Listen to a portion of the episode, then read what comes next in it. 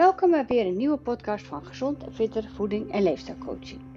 Deze keer gaat het over hoe kan je gezond en fit de menopauze in of de overgang in. Um, wat houdt het in? Um, wat houdt het in voor je lijf? Nou, het wordt een wat langere podcast. Veel luisterplezier! Vrouwen zijn bij uitstek gevoelswezens. Dus vaak merk je als vrouw wel dat er iets niet klopt met je lijf. Er verandert iets. En we horen vaak vrouwen heel, heel erg. Uh, ik hoor vrouwen heel vaak zeggen dat ze zichzelf niet zijn. En um, ja, heel veel vrouwen weten niet zoveel van de overgang. Dus er wordt niet zo gauw een link gelegd. Of te snel. Hè? Dus dat is natuurlijk ook weer wat. Dat je wel klachten hebt en het is wat anders. En dan wordt er bij de huisarts gezegd, ja, dat is de overgang. Dus dat is altijd een beetje in between. Um, nou, wat ook belangrijk is, is dat bij de huisarts er vaak gezegd wordt: nee, dat kan nog niet, je zit nog niet in de, in de overgang. Uh, dat wil ik ook even uitleggen hoe dat zit met die fases. Um, want als jij uh, uh, je bent nog te jong of je bent nog ongesteld, dus dan heb je, kan dat niet de overgang zijn. Dat zeggen ze dan bij de huisarts. Maar je pikt de signalen zelf wel op. Dus jij moet een beetje luisteren naar je lijf. En um, klassieke overgangsverschijnselen bij iedereen zijn natuurlijk de, uh, de opvliegers, het nachtelijk zweten. En dat nachtelijk zweten komt vaak later. Maar wel onregelmatig, onregelmatig menstrueren. En, nou, en de rest kom ik ook wel nog even op terug. Maar laat ik eerst eens uitleggen wat uh, houdt nou die menopauze in? Of die overgang? Of hoe heet het? Welke fase? Dat soort dingen. Nou, als embryo van 20 weken nog in de baarmoeder heb je 7 miljoen cellen. Bij de geboorte zijn dat er gemiddeld nog maar 2 miljoen. De hoeveelheid cellen, eicellen waar je mee wordt geboren, neemt tot je puberteit af. In de puberteit heb je ongeveer 300.000 tot, nou goed, hoeveel, maar in ieder geval heel veel over.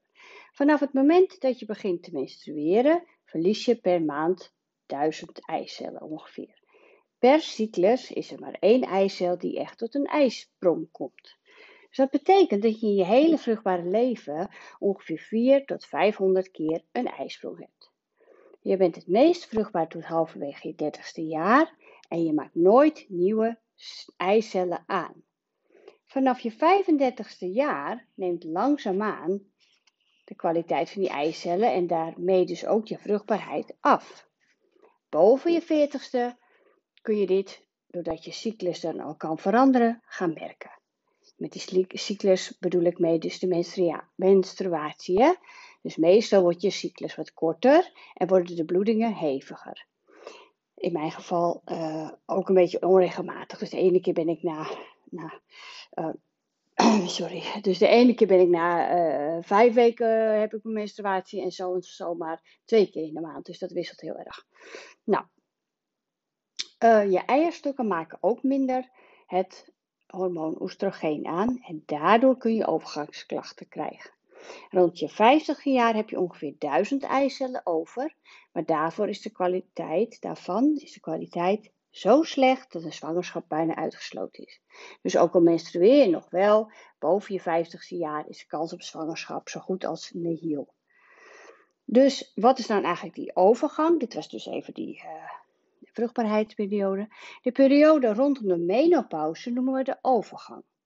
Andere benamingen zijn perimenopauze, climaterium. De woorden menopauze en overgang worden vaak door elkaar gebruikt, maar dat zijn dus twee verschillende dingen. Dus uh, hormonale balans verandert in deze periode. Dus net als bij die puberteit ga je van de ene stabiele fase over in de andere stabiele fase. Het is een periode die eigenlijk een kantelpunt vormt. En het is zo grappig om te weten dat vaak uh, gaat het een beetje gelijk met uh, meisjes die dus bijvoorbeeld uh, net ongesteld worden. Dan beginnen de vrouwen vaak in de perimenopauze. Dus die voorstadium van de uh, overgang. Um, daarom wordt de overgang ook wel eens de tweede puberteit genoemd. De leeftijd waarop de meeste vrouwen met overgang te maken krijgen is tussen de 40ste en je 60ste jaar. Gemiddeld 45 tot 47.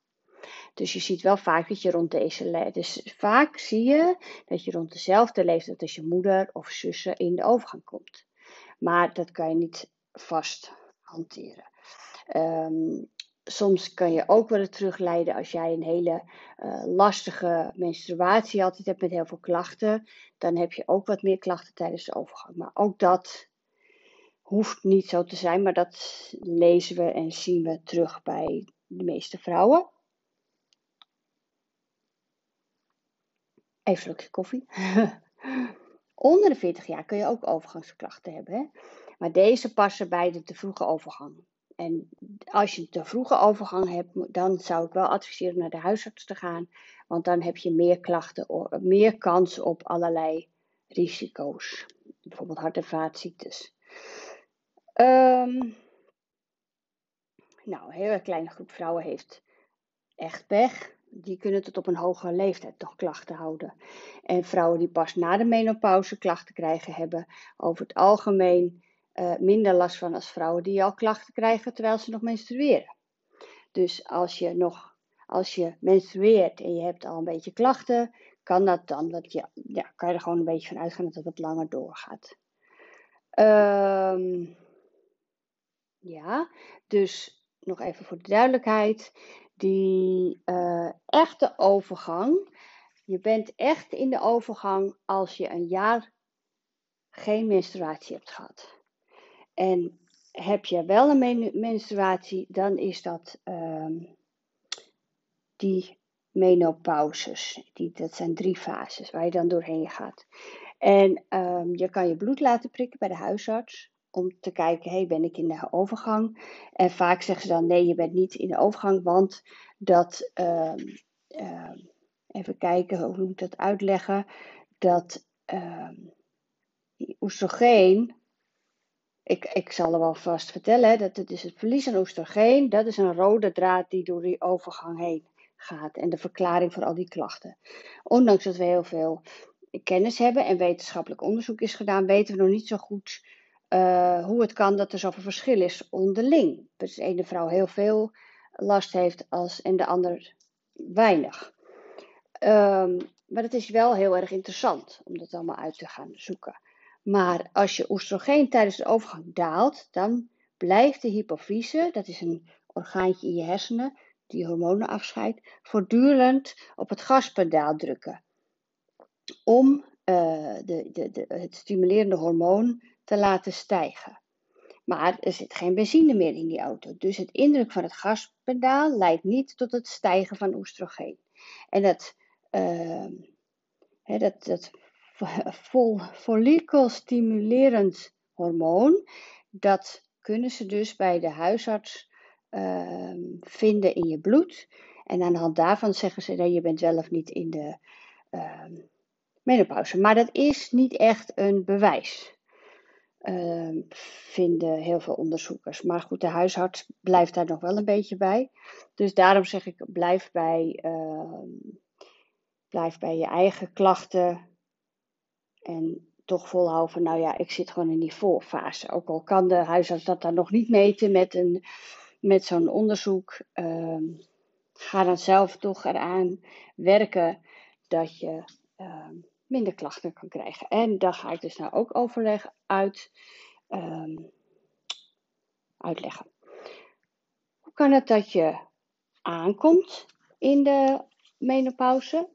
Dat in dus in die voorfase kan dat al gebeuren, hè? want je hebt dus een vermindering van oestrogeen. Sowieso, bij het ouder worden, na je veertigste, um, je, gaat je stofwisseling lager. Heel veel vrouwen slapen minder goed door allerlei klachten. Een van, de, van die menopauseklachten.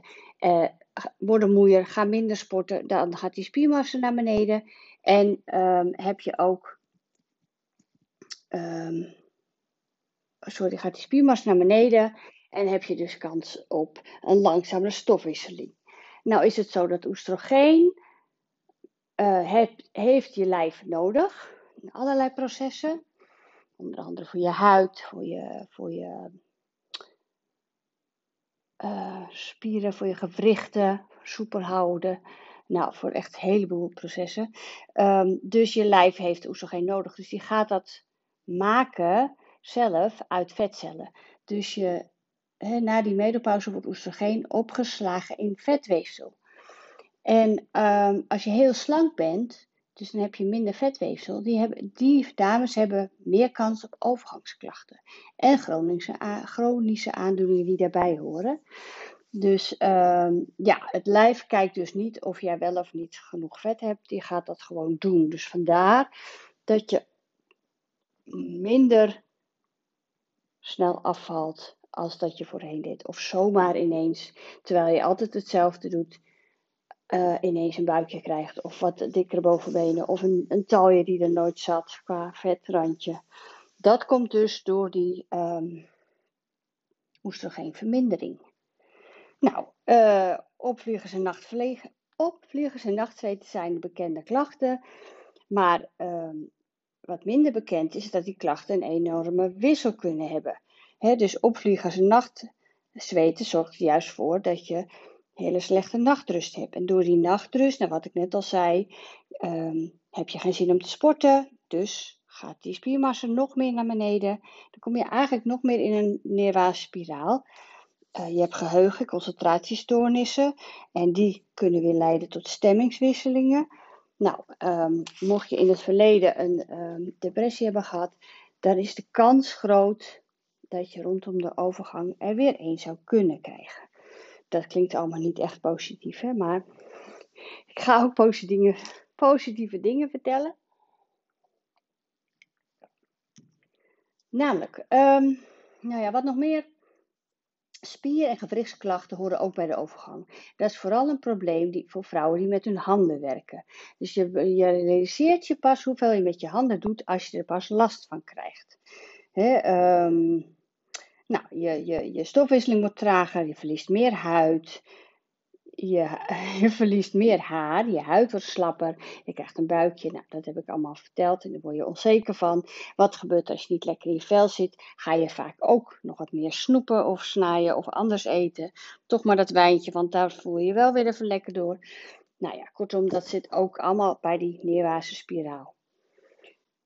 Um, dus belangrijk is dat je een beetje gaat kijken hey, zit ik in die, in die fase, zit ik in die overgang, kan ik er wat aan doen? Um, nou, dus die oestrogeen, dat is een rode draad. Um, het is een, het is een hormoon. En die heeft ook invloed op je cholesterol. Hij heeft invloed op je bloeddruk, elasticiteit van je haar, je huid, bloedvaten, je spieren, je pezen. Dus um, ja, als er minder collageen aangemaakt wordt, uh, oestrogeen aangemaakt wordt, kan je daar dus heel veel last van krijgen. En een later stadium stabiliseert het weer iets, maar het wordt nooit meer zoals het voor de overgang was. Dus je moet gewoon een beetje accepteren op een gegeven moment. Hè? Dus zelf gaan kijken, wat kan ik nu er nog aan doen? En voor de rest ook een beetje accepteren van ja, dat hoort nou eenmaal bij het ouder worden. Um, ja, wat ook een hele belangrijk is om even te noemen, is dat er een hele grote link is tussen hart- en vaatziektes en de overgang bij vrouwen. Um, er zijn dus meer vrouwen die een hartinfarct krijgen dan mannen. En toen ik dat had gelezen, daar schrok ik heel erg van. En dat komt dus ook omdat die uh, oestrogeen daalt. En oestrogeen is een cholesterol ja, helper, noem ik het even. dus doordat die daalt, uh, heb je meer kans op een verhoogd cholesterol. Nou, en als je dan en ook niet sport en je bent misschien erfelijk aangelegd of je eet ongezonder, nou ga maar na. En er komt ook nog bij dat um, bij vrouwen de klachten van hart- en vaatziektes um, heel anders zijn als bij mannen. Dus uh, je herkent het ook niet. Dus ze hebben, dames hebben klachten, gaan naar de huisarts en die worden naar huis gestuurd van, oh, het is de overgang of oh, het is stress. Terwijl het eigenlijk al een beginnende hart- en vaatziekte is, of kwaal, of misschien heb je al een infarctje gehad zelfs. Dat heb ik allemaal gelezen in een boek dat gaat over het vrouwenhart. Uh, dus die is zeker aan te raden van de cardioloog Janneke Wittekoek. Hart en hormonen. Ze hebben twee boeken, dus het is echt heel, heel uh, verhelderend. Nou, uh, dus ja, de, zonder het hormoon oestrogeen worden de vaatwanden star. En dat heeft een gevolg van een hoge bloeddruk en cholesterol. Dus um, ja, vanaf je veertigste is toch aan te raden. Want vanaf je veertigste gaat ook die um, stofwisseling omlaag. Um, en dan krijg je al minder, minder oestrogeen. Gaat natuurlijk heel geleidelijk aan. Hè? Maar als jij vanaf je veertigste al een gezonde leefstijl aan gaat leren of aan gaat wennen, start je sowieso met een gezonde bloeddruk, met een gezond cholesterol. En is natuurlijk veel beter als dat je al wat hoge waardes hebt en daarna ga je die menopauze in. Dus dat is toch wel belangrijk. Hè? Wat, wat, uh, af en toe eens een check-up doen bij je huisarts. Wat zijn je glucosewaarden? Is je vitamine D-gehalte hoog genoeg? D3 die wordt alleen aangemaakt door de buitenlucht. Vrouwen vanaf 50 plus moeten D3 bijslikken. Want je huid wordt, neemt op die leeftijd sorry, minder D3 op vanuit de zon. En uh, hier schijnt jammer genoeg niet het hele jaar de zon. En je moet minstens een kwartier buiten zijn. Wil dat genoeg zijn per dag? Nou, en en en. Dus, maar dit soort adviezen van die D3 bijslikken en wat voor soort sporten kan je doen en wat voor voeding kan je doen om gezond die menopauze in te gaan. Daar begeleid ik dus met mensen mee. Dat is super leuk. Um, nou, dan hadden we nog, ik had het net ook uitgelegd, hè, het verschil tussen die menopauze en andersom. Uh, overgang is dus als je um, een jaar lang geen menstruatie hebt gehad, dan ben je echt in de overgang. Heb jij nog wel menstruatie, dan zit je in die, in die menopauze. De overgang begint vaak ver voor de menopauze. Um, ja, dus zien heel veel vrouwen, horen heel veel vrouwen die dus wel menstrueren, maar die wel overgangsproblemen hebben. Terwijl ze dan van de arts uh, horen van dat kan niet. Maar dat kan dus wel, want de overgang begint voor die menopauze. Onthoud dat helemaal goed. Um, dus daar moet meer bewustwording in komen van de dames. Uh, en van de huisarts trouwens ook. Maar goed. Nou, die uh, klachten is dat de kilo's eraan vliegen. Dat heb ik net verteld. Je verbanding wordt trager. Uh, je kunt minder, met minder porties kan je aan. Dus ja, wat, wat ga je dan eten?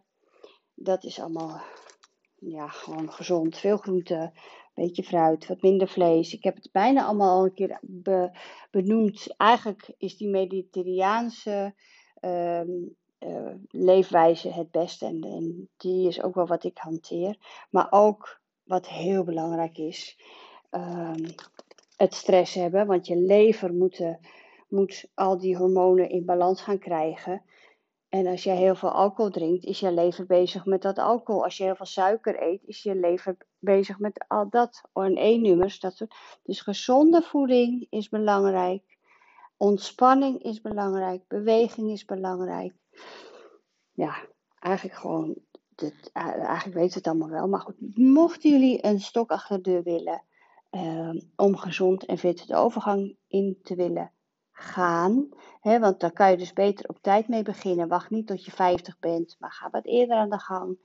Dan uh, kijk even op mijn website www.gezondenfitter.nl onder kopje vergoedingen. Dan zie je wat jouw verzekering vergoedt, hoeveel. En dan gaan we samen persoonsgebonden kijken hoe we jou fit de menopauze in krijgen. Um, nou, dankjewel voor het luisteren. Mocht je vragen hebben, kan altijd mailen appen of bellen. En een hele fijne middag. Doeg!